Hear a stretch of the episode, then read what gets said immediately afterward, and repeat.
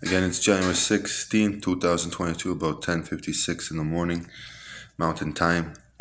Like I say, uh, again, referring to that locker room um, concept uh, that uh, that we see, uh, you know, in terms of signing new players that are coming right into the club and, um, you know, playing maybe two, three days of uh, training and then being inserted into the lineup. It's a, it's a little bit uh, unprofessional on that level. I see that. Uh, I just want to let you know that when we are building that uh, that squad, we have a under 23 team, we have a reserve team, we have uh, the first team. Uh, I like to see that when you have those transitions, when you have a couple players injured in the first team, you are perhaps in a transfer window, and you are looking for uh, for some new additions. Perhaps the, the the, the the first team is not competing at the um, results stated in the contracts. Uh, perhaps they were uh, stated to be in the top uh, top six, top top three, top four. Uh, so therefore, I, I, think this opens a, a, very nice window for uh, a 23 under 23 player, or also uh, a reserve player.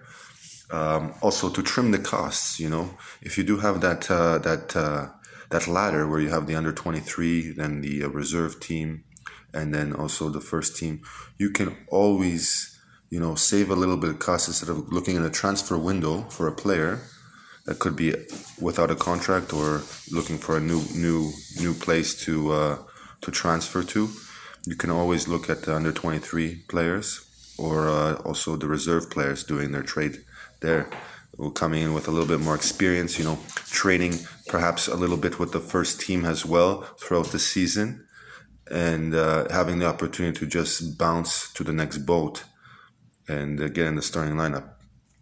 So, like I say, uh, not too uh, not too impressed with uh, with what I saw here today, but I, am pretty sure that it was like one of those uh, um, games where you get a little bit tested in the mind and you say, what kind of uh, leadership qualities, what kind of captaincy, what kind of uh, um, organization uh, structure is there, and you know.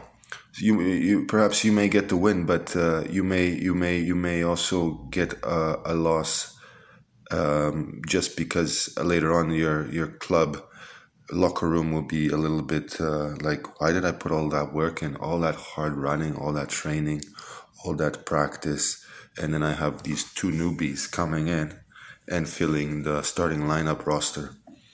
You know when i had a, a, lot of players did who did maybe 1600 hours last season still still got stuck into the 20 under 23 team under reserve team and didn't get the call up to the uh, first team. So uh, something to, to keep in mind that uh, when we do set that mls locker room structure we want to make sure that uh, we have that that bounce first from the reserves to the first team looked at then the next bounce from the under 23 to the reserve team looked at. You want to have that ladder of uh, good leadership strength philosophy. It's, just just how it goes.